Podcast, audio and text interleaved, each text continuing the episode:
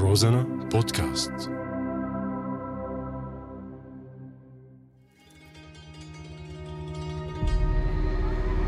الله أكبر. جنفوتات الطائرة طائره الاستطلاع المسيرة التي سقطت في محيط مدينة كفر تخاريم قبل قليل. حتى الآن آه، غير معروف آه، نوعية هذه الطائرة. حدث هذا في أمسية صيفية قبل نحو عامين. حينها ركض أمين مع أصدقائه لمعرفة ما حصل. فالكارثة حلت عندما اندلع الحريق في أرضه بعد أن سقطت طائرة درون فيها واحترقت مزروعاته. ضحايا الحرب في سوريا ليسوا دائما من لحم ودم وإنما هناك ضحية صامتة سأعرفكم عليها. أنا لجين حاج يوسف في هذا البودكاست وكيف تسمم الحرب الأرض الزراعية في شمال البلاد. من راديو روزنا. الطيارة كانت نازلة من السماء باتجاه الأرض وهي مشتعلة بالنار لما وقعت كنت أول واحد يطفيها. كنت خايف من أنه الأرض تحترق بشكل كبير. بعدين جاء الدفاع المدني وهو يلي طفاها.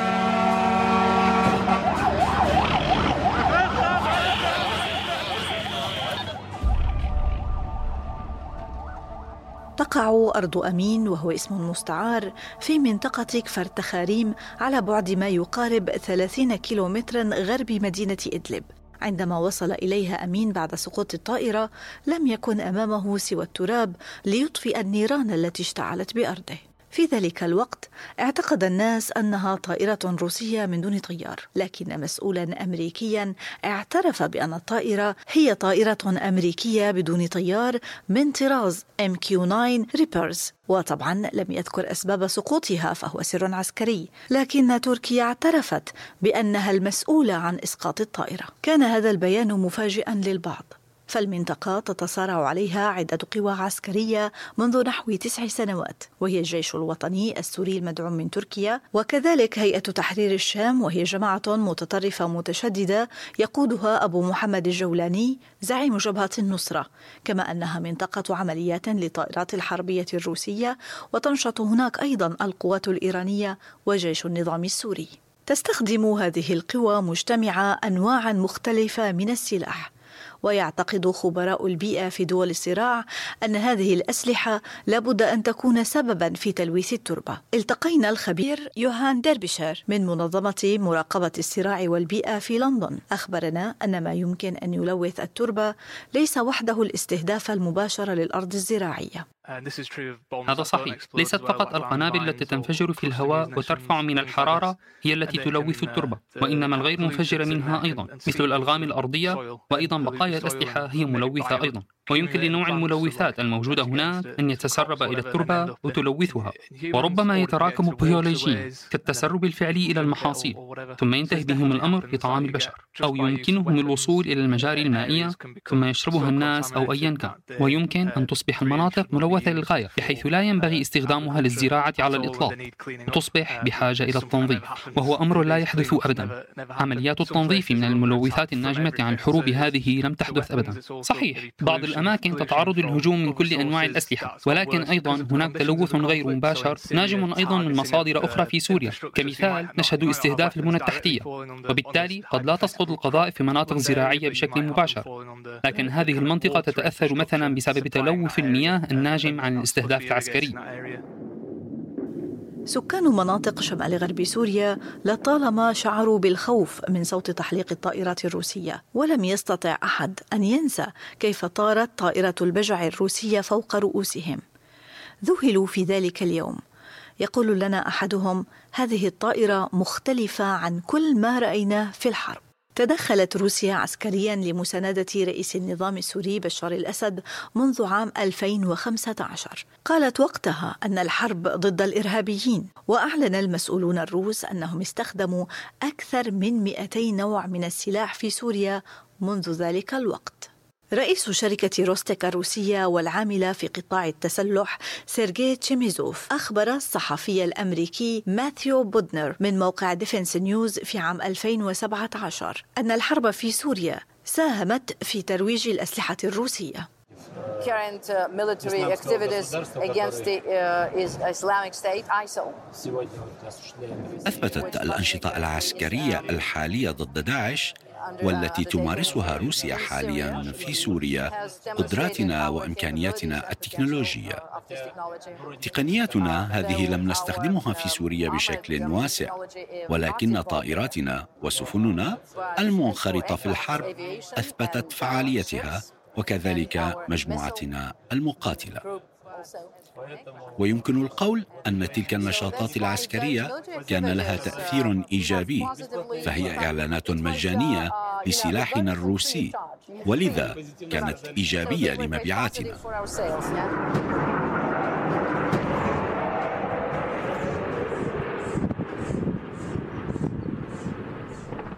مصطفى عمر عشموت نازح من بلدة الهبيط لعمر 33 سنة. تم قصف آه، أرض عدة مرات. آه، قصفت آه، أرض طائرات روسي 2019 كنا عبارة عن مزارعين نعمل في الأراضي الزراعية فقط. تم قصفه بالنابال تأكدت عن طريق المراصد وتأكدت أنه هذا القصف بالنابال عن طريق الآثار اللي تركتها على التربة والأشجار عندما بتقترب الأرض المحروقة تعطي حرارة عالية جدا. تختلف عن طبيعة حرق القذائف الصواريخ. إضافة إلى ذلك بالنسبة للشجر أشجار مثل الزيتون بتؤدي إلى حرقها بشكل كامل مو مثل القذائف أثرت على الأرض بشكل كبير. الأرض كانت مزروعة كان في أشجار زيتون ما عاد في إنتاج زراعي مثل المواسم السابقة.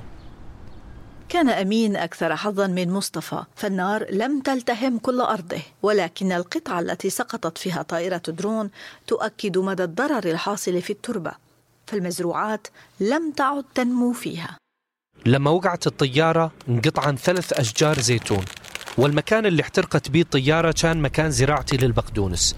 ولليوم وأني أحاول أزرع بالمكان نفسه ورغم أني قلبت التربة ورطبتها إلى أنه ما نمت إلا بمساحة ما تتجاوز المتر المربع الواحد. ظليت فترة أكثر من أسبوع تقريبا ما أقدر أشتغل بأرضي الزراعية. كنت خايف بأنه يكون بي قنابل لسه ما انفجرت. لبين ما جاء الدفاع المدني وفحص الأرض بالكامل. مسألة القنابل الغير منفجرة واحدة من أكثر المشاكل التي يعاني منها المزارعون في المنطقة، وتكاد أن تكون منظمة الخوذ البيضاء والمعروفة اليوم باسم الدفاع المدني هي الجهة الوحيدة التي تساعد في إزالة بعض أنواعها. محمد سامي محمد منسق برنامج التعاون مع المواد الخطرة مخلفات الحرب في الدفاع المدني السوري. بالنسبة لعملياتنا نحن كفرق ذخائر في الدفاع المدني السوري هي تنقسم إلى ثلاثة آه، أجزاء رئيسية. الجزء الأول اللي هو عبارة عن عملية آه، مسح غير تقنية بتقوم فيها فرق المسح الموجودة في آه، مراكز الذخائر بزيارة القرى والمجتمعات المختلفة في شمال غرب سوريا لحتى تقوم بجمع استبيانات من خلال جمع هذه الاستبيانات وأسئلة المجتمع المحلي والأشخاص المفتاحيين في هذه المجتمعات ممكن انه نوصل ل آه، من خلال الأسئلة هاي ل آه، مناطق ملوثة بالذخائر الغير منفجرة.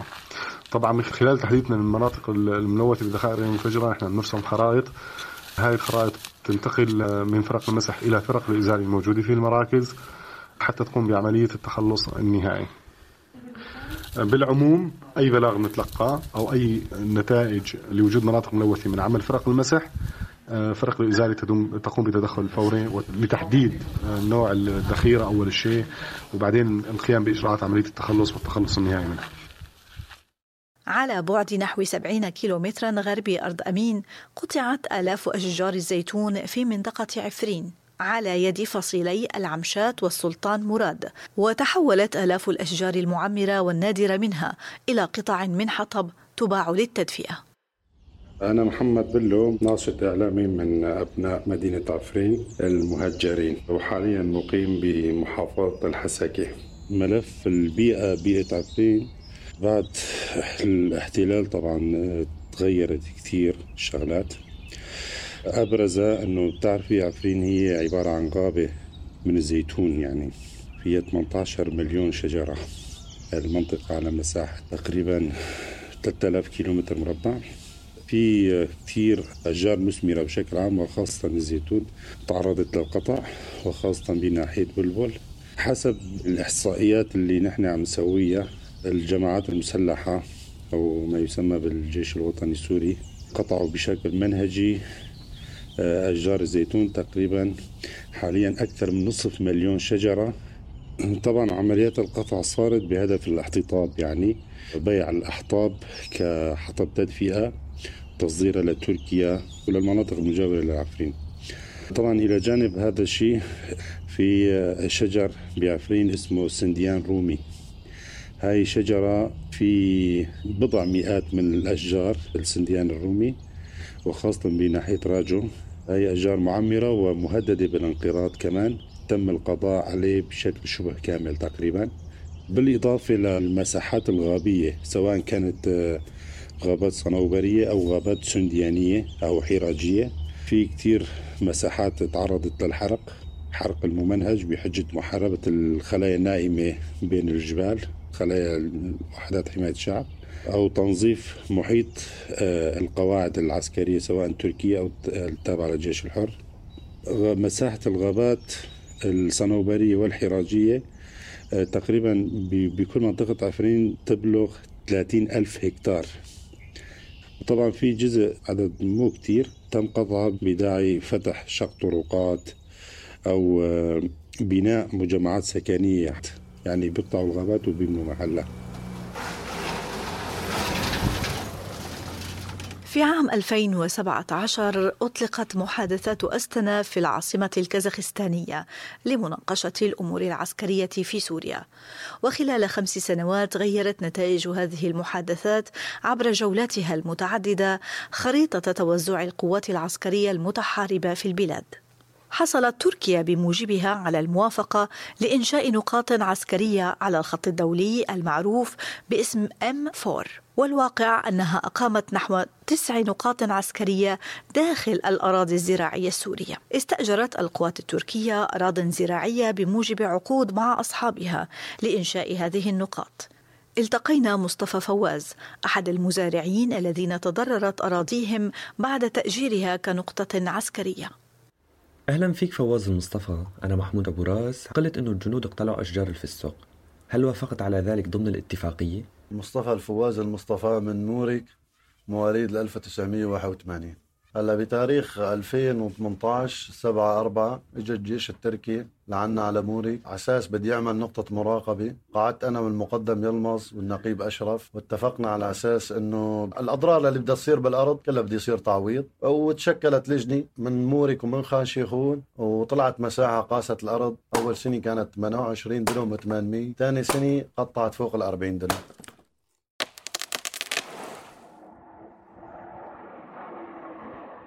أصدرت الحكومة السورية المؤقتة العاملة في المناطق الخاضعة لسيطرة المعارضة السورية تقريرا لها قالت فيه أن هناك ما يقارب من مئة ألف هكتار من الأراضي الزراعية الخصبة تضررت جراء الهجمات العسكرية عليها. لكنها لم تذكر أي إجراء بشأن مناورات جيش المعارضة واستخدام الدبابات العسكرية الثقيلة وحفر الخنادق والقاذفات الصاروخية العسكرية داخل هذه الأراضي التي تحققنا من منظمة الأغذية والزراعة الفاو. قالت بأن الحرب الحديثة تستخدم أسلحة الدمار الغير قابلة للتحلل والمواد الكيميائية التي يمكن أن تبقى في التربة المتضررة لقرون بعد انتهاء الصراع. مركز مرصد الصراع والبيئة أكد ما قالته الفاو وربط ما بين أثر التحصينات والمنشآت داخل مناطق النزاعات كما حدث في حربي الكويت والعراق حيث أدى بناء التحصينات وزرع الألغام وإزالتها وتحرك الآليات العسكرية والعسكريين إلى تسارع تآكل التربة وزيادة حركة الرمال. إنه أمر صعب حقا فهو يحتاج تحديد سياق نوع التلوث الناجم لتحديد آلية التنظيف المطلوبة ومدى القدرة على القيام بتنظيف التلوث. هناك حالات تتطلب قياسات وأخذ عينات من التربة وإرسالها إلى المخبر لتحديد هل التلوث الناجم عن هذه الأسلحة ضار فعلا؟ وبالطبع هذه الدراسات للتربة لا تحدث حقا في معظم الأماكن التي تشهد صراعا أو عاشت صراعات عسكرية. فالناس يواصلون حياتهم غير مدركين للمخاطر وهذا طبعا أمر مزعج ومحزن لأنه لا توجد القدرة على القيام بهذه القياسات أو تنظيف التلوث. فإنجاز هذا الأمر يحتاج إلى تأمين التكلفة والإرادة لفعله. وبالطبع بالدرجة الأولى يجب أن نحدد مناطق التلوث والمعرفة بها. تكلف الحروب الكثير من المال لكن تكلفة تنظيف مخلفاتها ليست بالأمر السهل. وهنا السؤال من الذي سيعوض الخسائر ومن سينظف البيئة التي تعرضت للتسمم؟ بالتأكيد هناك آثار تلوث مختلفة ناجمة عن الأسلحة المختلفة المستخدمة ويعود ذلك إلى اختلاف تكوينها وآلية انفجارها وأيضا على الموقع الذي تنفجر فيه. فالتلوث الناجم عنها قد تختلف أيضا حسب الموقع الجغرافي وتغير الظروف البيئية التي حدث خلالها الانفجار. نحن نستخدم المخلفات السامة. والتي هي بشكل أو بآخر يمكن أن تكون ضارة. منظمة الأغذية والزراعة في دراستها الصادرة عام 2017 تقول بأن التكلفة الأولية لإعادة بناء قطاع الزراعة في سوريا على مدى ثلاث سنوات تتراوح من نحو 11 إلى 17 مليار دولار إجمالا. وبالطبع هذه التقديرات مرتبطة بالتغييرات في دوائر النزاع وآفاق الحل السلمي الجزئي أو الكامل. ولكن للأسف تزايدت القيمة مع استمرار الحرب. إلى هذا اليوم. محمد سامي محمد منسق برنامج التعاون مع المواد الخطرة مخلفات الحرب في الدفاع المدني السوري. بالنسبة لعملياتنا نحن كفرق ذخائر في الدفاع المدني السوري هي تنقسم إلى ثلاثة آه، أجزاء رئيسية الجزء الأول اللي هو عبارة عن عملية آه، مسح غير تقنية بتقوم فيها فرق المسح الموجودة في آه، مراكز الذخائر. بزيارة القرى والمجتمعات المختلفة في شمال غرب سوريا لحتى تقوم بجمع استبيانات. من خلال جمع هذه الاستبيانات وأسئلة المجتمع المحلي والأشخاص المفتاحيين في هذه المجتمعات آه، ممكن إنه نوصل ل آه، من خلال الأسئلة هاي ل آه، مناطق ملوثة بالذخائر الغير منفجرة. طبعا من خلال تحديدنا للمناطق الملوثة بالذخائر الغير منفجرة نحن بنرسم خرائط. هاي الخرائط تنتقل من فرق المسح إلى فرق الإزالة الموجودة في المراكز حتى تقوم بعملية التخلص النهائي. بالعموم أي بلاغ نتلقاه أو أي نتائج لوجود مناطق ملوثة من عمل فرق المسح فرق الإزالة تقوم بتدخل فوري لتحديد نوع الذخيرة أول شيء وبعدين القيام بإجراءات عملية التخلص والتخلص النهائي منها. هلا بعد ما تشكلت اللجنة وطلعت أنا دقوا لي آه، جماعة الفيلق بالمعرة قالوا لي العقد جاهز مشان تيجي توقعوا. طلعت تقريبا شي الساعة 9 بالليل طلعت على معرة بحضور الشيخ عبد المعطي الشيخ أحمد علوان في قائد قطاع ريف حماس الشمالي وفي الشهود يعني في كثير كانوا موجودين من الفيلق وقعت العقد وعلى أساس إنه ثاني نهار يروحوا على النقطة يوقعوا. إيه لبعد فترة أعطيت أنا صورة عن العقد للضابط. سألته قال إحنا رفعنا الكتاب للقيادي. إيه وضليت أسألهم يعني كرر أكثر من مرة. يقولوا لي إنه رفعنا كتاب للقيادي ومشان يعوضوك وهيك. وما استفدت شيء نهائيا. لا ولا أعطوني ولا شيء نهائيا. كلها وعود على الفاضي يعني. يعني تقريبا ضليت لل 2019 لوقت راحة موريك. يوعدوني إنه خلص رفعنا كتاب للقيادي والقيادي بدها تعوضك وهيك. لوقت راحة موريك ضليت متابع أنا بالمعرة مع جماعة الفيلاق كمان نفس الشيء ضلينا تقريبا على فترة طويلة وعود. ولهلأ يعني لهلأ بحكي مع الشيخ عبد المعطي مع الشيخ أحمد علوان ما خليت حدا من الفيلاق ما استفدت شيء منه نهائيا. بيقولوا لي علاقتك مع الأتراك.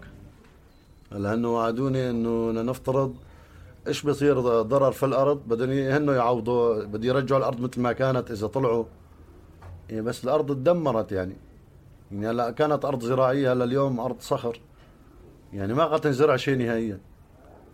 الشجر انشلع السواتر خمس ست أمتار. يعني هي بس بدها تسهيل بدها مبالغ ضخمة. على التجريف جوا النقطة صار للصخر هي في محلات خمس ست أمتار لفوق. الأرض خلص راحت. الأرض صارت صخرية يعني.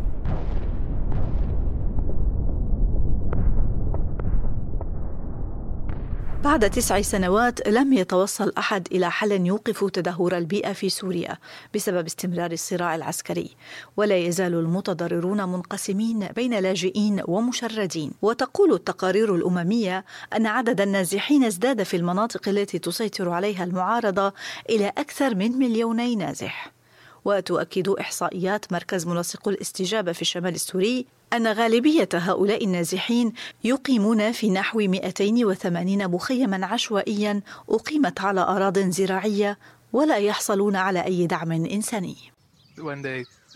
عندما يصل النازحون واللاجئون إلى مناطق إقامتهم الجديدة وإن كانوا آمنين من الحرب لكنهم لا يزالون بحاجة إلى الوقود والغذاء غالبا لأنهم إما في ملاجئ مؤقتة أو لاجئين أو في مخيمات نزوح. وهذه الأماكن ليست مصممة لتكون موفرة للطاقة. فهناك الكثير من المولدات التي يجب استخدامها وهي تتسبب بارتفاع البصمة الكربونية عندما يتعلق الأمر بالطهي مثلا. ثم هناك الكثير من المواقد المستخدمة وهذه المواقد يجب أن تعمل بالخشب. إذا ماذا يفعل الناس؟ يخرجون إلى أماكن قريبة من مخيمات اللاجئين أو حيث يتواجدون. وربما يضطرون إلى قطع الأشجار لتوفير الوقود لمواقدهم. إذا لم يكن متاحا بطريقة أخرى. لذا فهم يحاولون البقاء على قيد الحياة نوعا ما. ولكن سيكون هناك ارتفاع بنسبة انبعاثات الكربون. لا يبشر المناخ السياسي العام بالخير. فالدول المتورطة في الصراع السوري وعلى رأسها روسيا قاطعت قمة المناخ الأخيرة في غلاسكو. أعتقد ستكون الطريقة التي أصف فيها الواقع يائسة جدا لأن هناك كل هذه المصادر للمشاكل البيئية. سيكون لها عواقب صحية كبيرة حيث أن نسبة الحاضرين لمؤتمر البيئة المتأثرة بالنزاع أنهم في الواقع يتحدثون كثيرا عما سيحدث. ولكن في الواقع الحقيقة هي أنه في كثير من البلدان يعتبر الوضع مروعا حقا في الوقت الحالي. من وجهة نظر بيئية. ليس فقط بسبب تغير المناخ في الواقع وإنما بسبب أشياء أخرى مثل الصراع العسكري الذي أدى إلى كل هذه الاختلافات. ما يعني؟ أنه عندما تحدث تأثيرات تغير المناخ تكون هذه الأماكن التي تعيش صراعات عسكرية هي أكثر الأماكن عرضة للخطر. ولا أعتقد حقا أنه كان هناك اعترافا بذلك. أعتقد أن الصليب الأحمر واللجنة الدولية للصليب الأحمر يتحدثون عن هذا الأمر. لكن لست متأكدا إلى أي مدى استمع الناس إلى ذلك على مستوى عالي.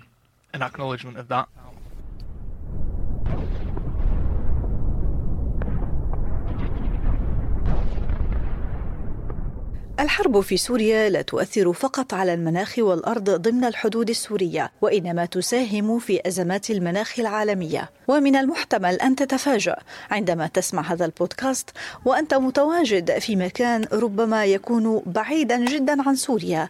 ان لديك مصلحة في وقف الحرب إذا كنت مهتما بالكوكب الذي نعيش عليه.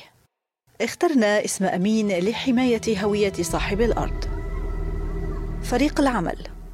لوجين حاج يوسف ميس قات وفاء البدري محمود أبو راس عبد الغني العريان محمد بسيكي عقبة خليفة.